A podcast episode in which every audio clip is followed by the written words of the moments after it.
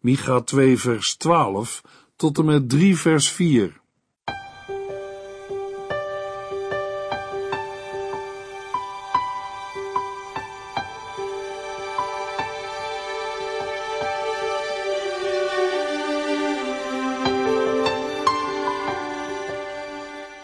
Hartelijk welkom bij De Bijbel Door.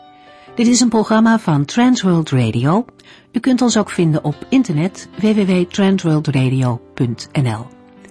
De Bijbel Door is een radioserie die in vijf jaar tijd door de hele Bijbel gaat.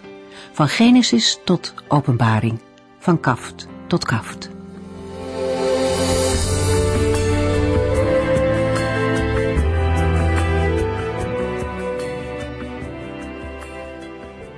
We lezen vandaag verder in het Bijbelboek Micha. Hoofdstuk 2 is niet het gemakkelijkste hoofdstuk. Niet om te vertalen, maar ook niet om te lezen. Micha flitst soms heen en weer in zijn spreken. Het ene moment spreekt hij namens de Here en een volgend moment stelt hij een vraag tussendoor of citeert hij de valse profeten. Het is dus heel belangrijk om al lezend goed te kijken wie er aan het woord is. Het is een groot verschil of een valse profeet de mensen gerust wil stellen of dat Micha een woord van God brengt. Over het onderkennen van echte en valse profeten hebben we de vorige keer al gesproken. Mozes geeft daar al richtlijnen voor. Een hele eenvoudige toetssteen is of uitkomt wat de profeet heeft gezegd. En dat geldt ook voor deze tijd. En uiteraard kan een profetie nooit in strijd zijn met Gods geopenbaarde woord in de Bijbel. Van Micha is duidelijk gebleken dat hij namens God sprak. Juda en Jeruzalem zijn een eeuw later in ballingschap gegaan zoals hij voorzegd had. Veel mensen luisterden liever niet naar hem. Men hoorde liever bemoedigende en geruststellende woorden dan een oordeelsboodschap. Dat is ook kenmerkend voor de valse profeten in de Bijbel. Zij zeggen altijd dingen die mensen graag willen horen. Ze spreken van vrede en van liefde en wijzen de luisteraars niet op hun zonde. Bij een valse profeet komt het altijd goed en hoeft de mens zich niet te bekeren. Want van oordeel spreekt een valse profeet niet. Maar de profeet Micha spreekt altijd over twee kanten. Van zonde en van genade, van oordeel en van redding. In hoofdstuk 2 stelt hij duidelijk de zonde van het volk aan de kaak. Het gaat hier vooral om zonde van mensen ten opzichte van elkaar.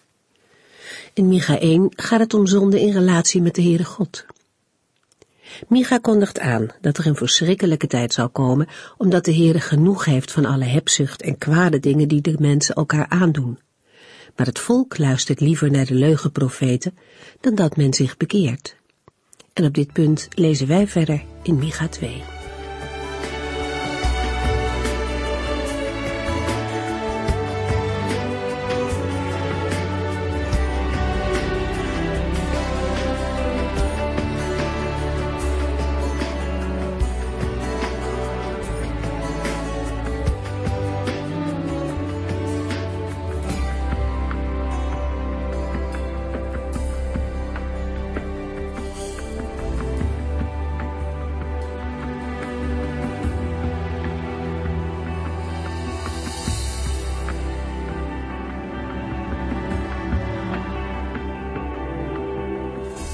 In de vorige uitzending stonden we stil bij de valse profeten die de mensen naar de mond praten. Zij verkondigen dat de Heer er wel voor zal zorgen dat het goed komt, want Israël is immers het volk van Gods verbond. Maar daarmee verkondigen zij een valse gerustheid en zijn het geen woorden van de Heer. In vers 7 moest de profeet zeggen, denkt u dat de geest van de Heer het prettig vindt u zo hard aan te pakken? Het antwoord is dan, nee, hij waarschuwt u met de beste bedoelingen om u weer op het rechte pad te krijgen. Dat is het tegenovergestelde van de gerustheid die de valse profeten verkondigen. De boodschap van de Heere, die Micha moet doorgeven, lezen we in vers 10. Sta op, wegwezen.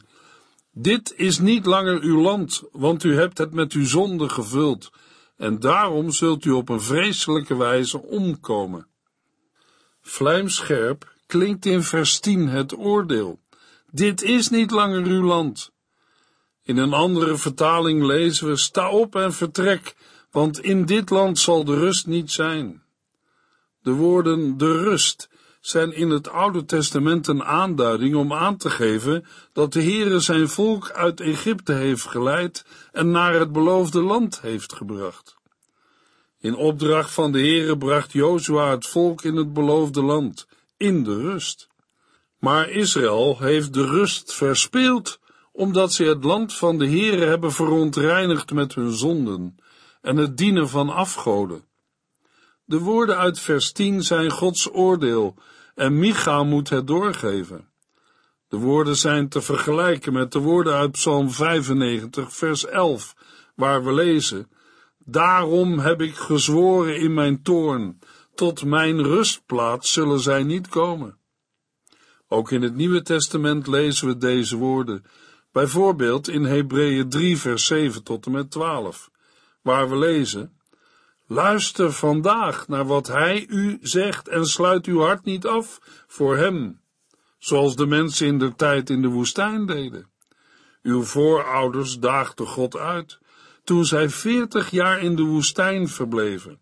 Zij stelden mij op de proef, hoewel zij hadden gezien wat ik voor hen gedaan heb. Daarom ergerde ik mij aan hen en zei ik, dit volk loopt steeds weer van mij weg het wil mij niet volgen. Daarom heb ik in mijn toorn gezworen dat zij geen rust bij mij zouden vinden. Pas er dus voor op, broeders en zusters, dat geen van u slecht en ongelovig wordt, doordat hij zich in zijn hart van de levende God afkeert. Zoals de Heere het eens van het zondige volk in de woestijn moest zeggen, nooit zullen zij tot mijn rust ingaan, zo zegt de Heere het ook in het Bijbelboek Micha, in Micha 2, vers 10. Sta op, wegwezen, dit is niet langer uw land, want u hebt het met uw zonde gevuld, en daarom zult u op een vreselijke wijze omkomen. Want er is geen rust, tenzij het hart rust vindt in God. In Hebreeën 4, vers 8 tot en met 11 lezen we, Jozua heeft het volk niet in deze rust gebracht. Als dat zo was, zou God niet veel later hebben gezegd dat het nu de tijd is om deel te krijgen aan die rust. Er wacht het volk van God dus nog altijd een zuivere, volkomen rust. Wie door geloof die rust ervaart, rust uit van zijn eigen werk, net als God. Laten wij ons best doen deel te krijgen aan die rust. Daarom moeten wij ervoor oppassen God niet ongehoorzaam te zijn, zoals het volk Israël, dat daardoor die rust niet kreeg. Voor wie de rust zoekt bij de Heer Jezus, die gezegd heeft, ik zal u rust geven, blijft er een rust over. Buiten hem is er geen rust dan alleen onrust. Micha 2 vers 11 ik profeteer dat u wijn en sterke drank zult krijgen. Dat is het soort dronken leugenprofetie dat u graag hoort. Het volk kiest voor profeten die leugen spreken, die een gerust leven beloven met een natje en een droogje op zijn tijd. Het zijn leugenprofeten.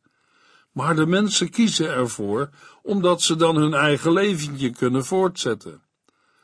Maar is er dan nog een weg terug? De beide laatste versen geven op die vraag een bevestigend antwoord. We lezen in Micha 2, vers 12 en 13: Er zal een tijd aanbreken, Israël, waarop ik u zal verzamelen. Iedereen die nog in leven is, zal erbij zijn. Ik zal u bij elkaar brengen als schapen in de schaapskooi, als een kudde in de wei. Het zal er gonzen van mensen. Hij die in staat is bressen te slaan, zal u uit uw ballingschap leiden. Hij gaat voor u uit wanneer u door de poorten trekt van de steden waarin u gevangen zat. Uw koning gaat voorop, de Heere is uw aanvoerder. In de Hebreeuwse tekst lezen we voor de naam Israël de naam Jacob. De naam Jacob herinnert aan de afkomst van het volk. Zo zijn ze in zichzelf een volk van zondaren. In de Hebreeuwse tekst wordt ook gesproken van een overblijfsel. Daarin zien we het beeld van een kudde schapen die verstrooid is. Micha zegt namens de Heere, er zal een tijd aanbreken, Israël, waarop ik u zal verzamelen. Iedereen die nog in leven is, zal erbij zijn.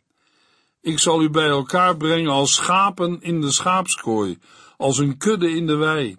Het zal er gonzen van mensen. Maar het gonzende overblijfsel is niet meer dan een rest, waarvan Paulus in Romeinen 11 vers 5 schrijft, zo is er dan ook in de tegenwoordige tijd een overblijfsel gelaten naar de verkiezing van de genade. Achter de woorden van Micha klinkt het oordeel van de Heere, die zijn volk in ballingschap doet gaan. Zo moet u de schaapskooi ook zien. Het is niet de veilige thuishaven van de schapen, de plaats om te rusten. Ze zijn er niet veilig, integendeel, ze moeten eruit. Er moet een breker aan te pas komen, een dier dat de andere schapen voorgaat naar buiten, want de muur waarachter de schapen verblijven biedt geen veiligheid. Er moet een bres ingeslagen worden, zodat ze naar buiten kunnen, de vrijheid en de veiligheid tegemoet. Micha, de profeet van het platteland, beschrijft het ons met kennis van zaken. De kooi is een beeld van de ballingschap waaruit de Heere zijn volk terugbrengt. Het zal er wel gonzen van mensen, maar vergeleken met vroeger is het maar een rest die terugkeert, en niet in eigen kracht. Mogelijk kunt u zich een beeld vormen van de situatie. De schapen willen naar buiten, weg uit de beklemming van de kooi. Ze willen terug naar hun eigen land. Maar er is een muur die hen tegenhoudt. Vijanden dreigen. En dan is er de breker, het schaap dat als eerste over de dam gaat. Maar het is geen gewone breker.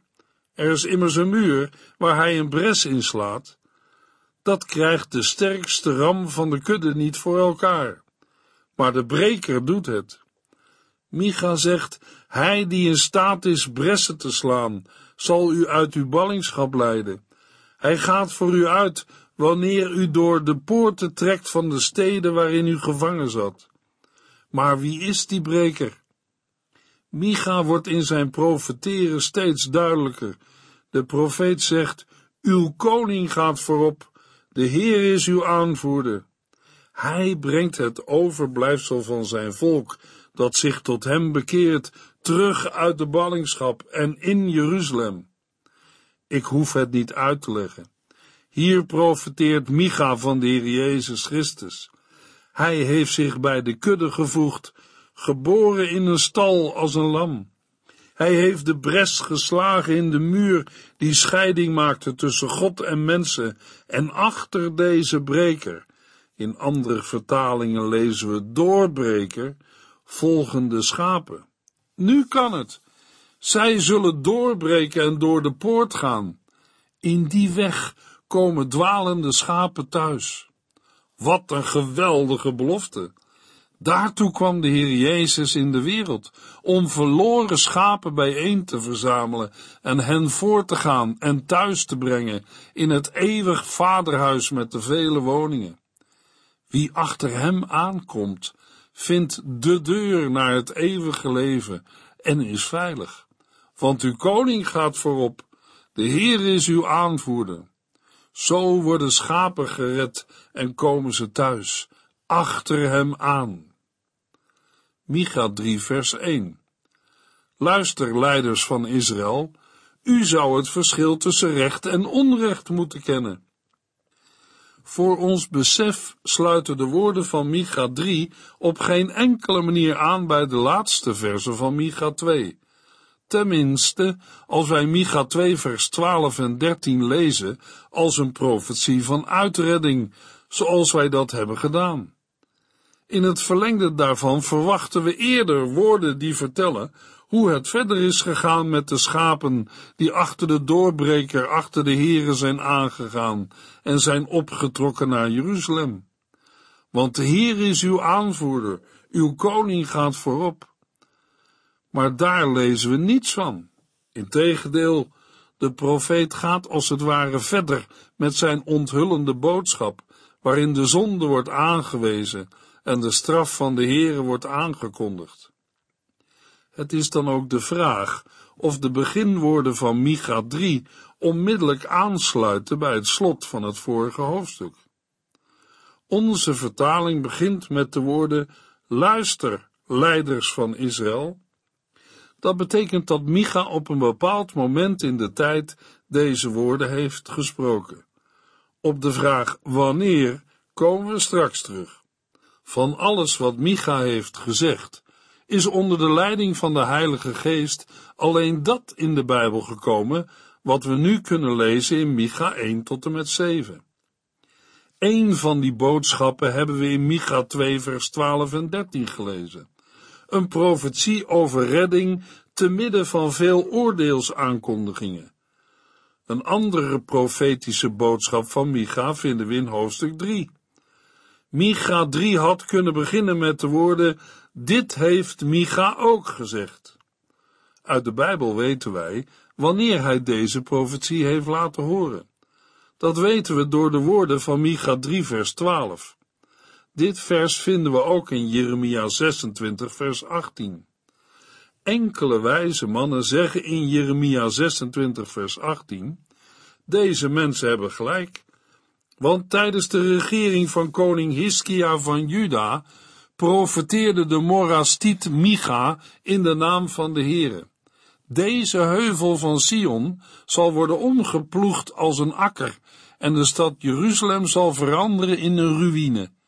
Op de heuveltop waar nu de tempel staat, zal een bos groeien. Een eeuw later herinneren deze wijze mannen zich nog steeds de woorden van Micha als de dag van gisteren. Ze moeten grote indruk hebben gemaakt in de dagen van koning Hiskia. We lezen in Jeremia 26 vers 19 dat koning Hiskia en zijn mensen zich bekeerden van hun zonde en God aanbaden. Zij smeekten de Heer of hij genadig voor hen wilde zijn. En wat deed God? De Heere voerde de vreselijke straf die hij had aangekondigd niet uit. Want de mensen dachten, als wij Jeremia doden, omdat hij ons de boodschap van de Heere doorgeeft, wie weet wat de Heere dan met ons zal doen.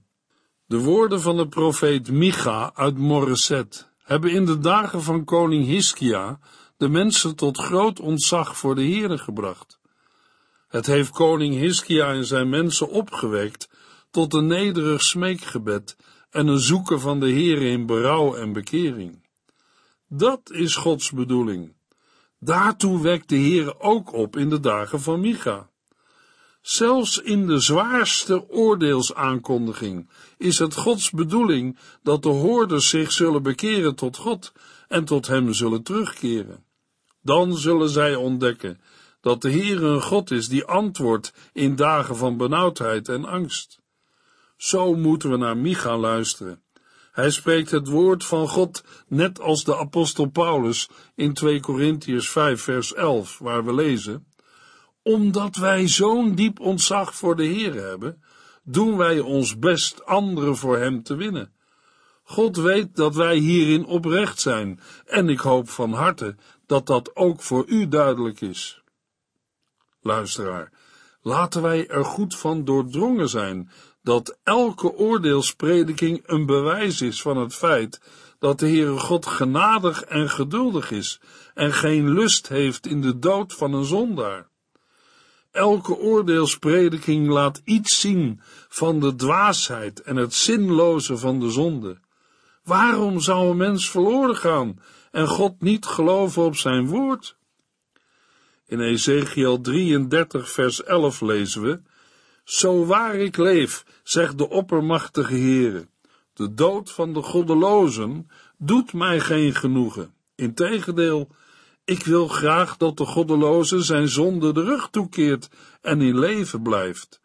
Bekeer u van uw goddeloosheid, want waarom zou u sterven, Israël?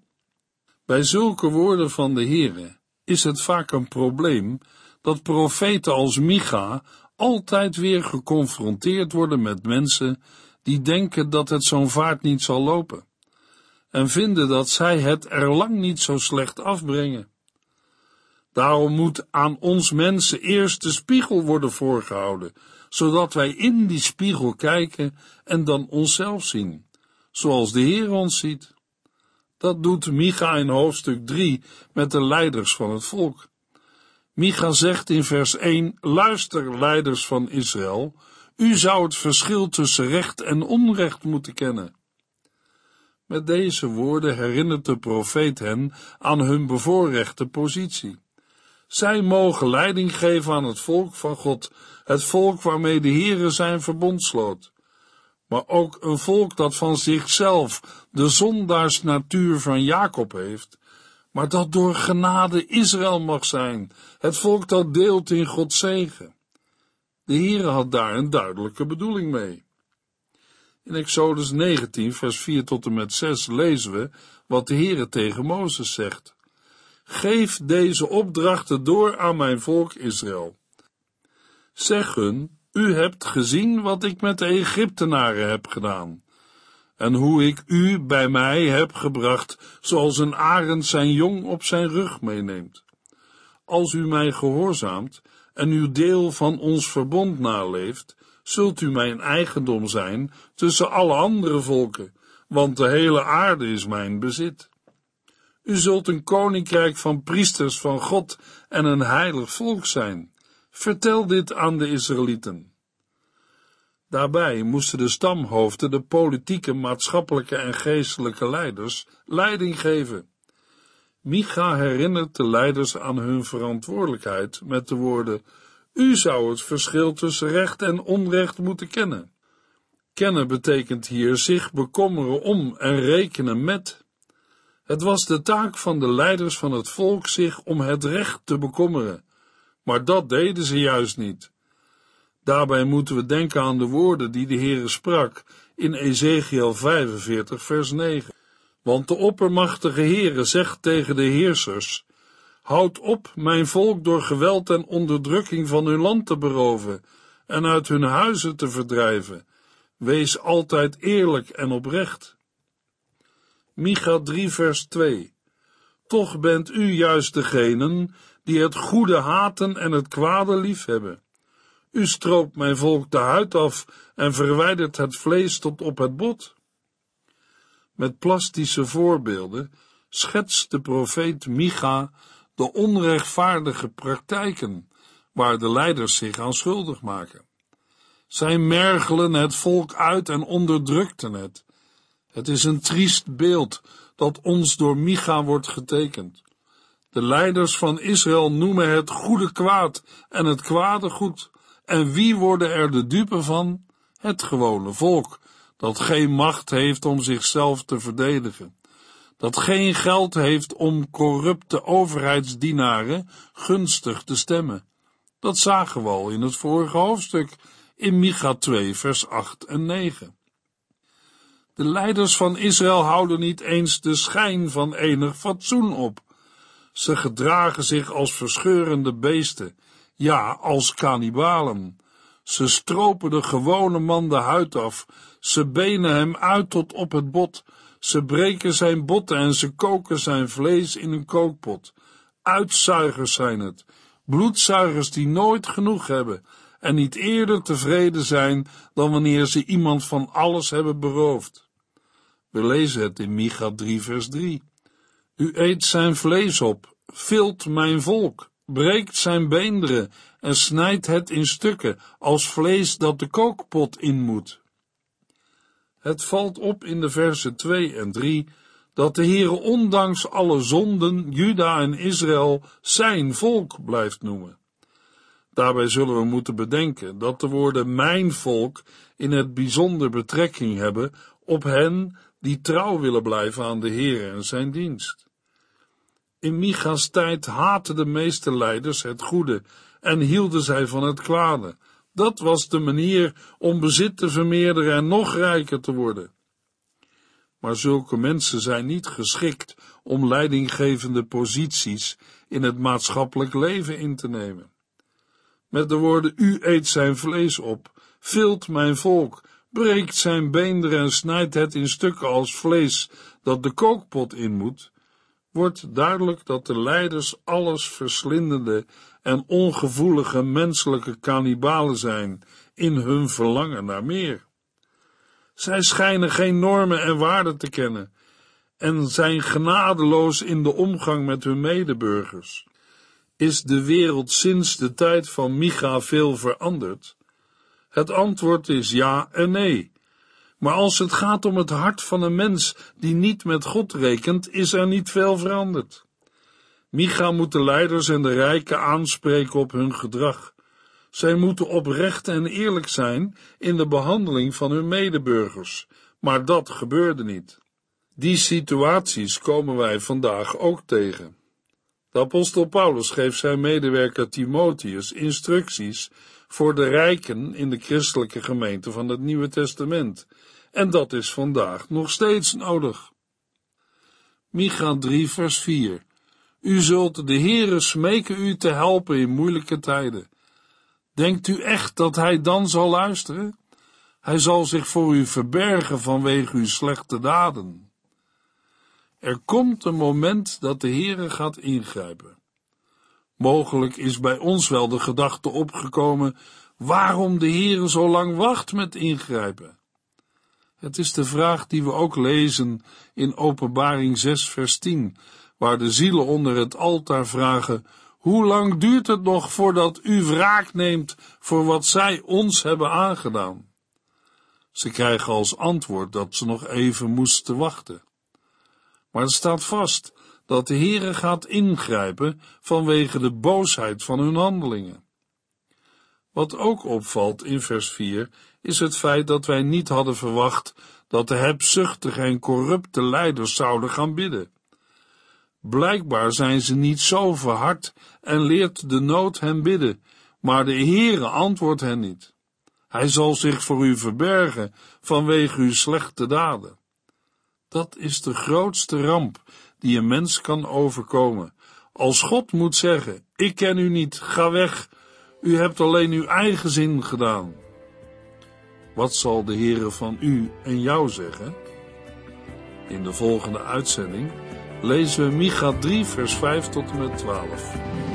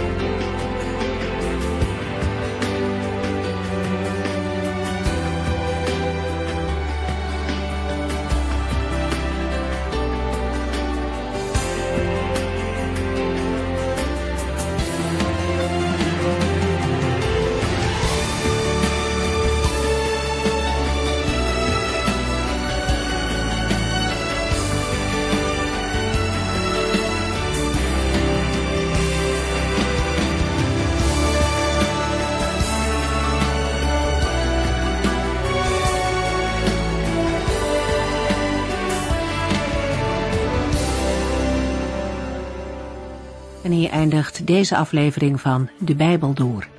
Een serie programma's van Transworld Radio.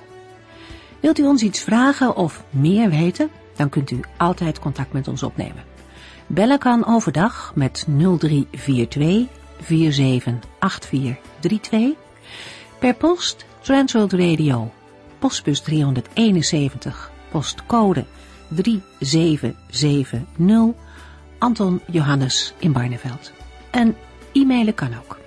De Bijbel door at transworldradio.nl En natuurlijk ook via onze website transworldradio.nl Dit programma werd gepresenteerd door Cor Weda en Ike André. En namens iedereen die er nog meer aan meegewerkt heeft, graag tot de volgende keer.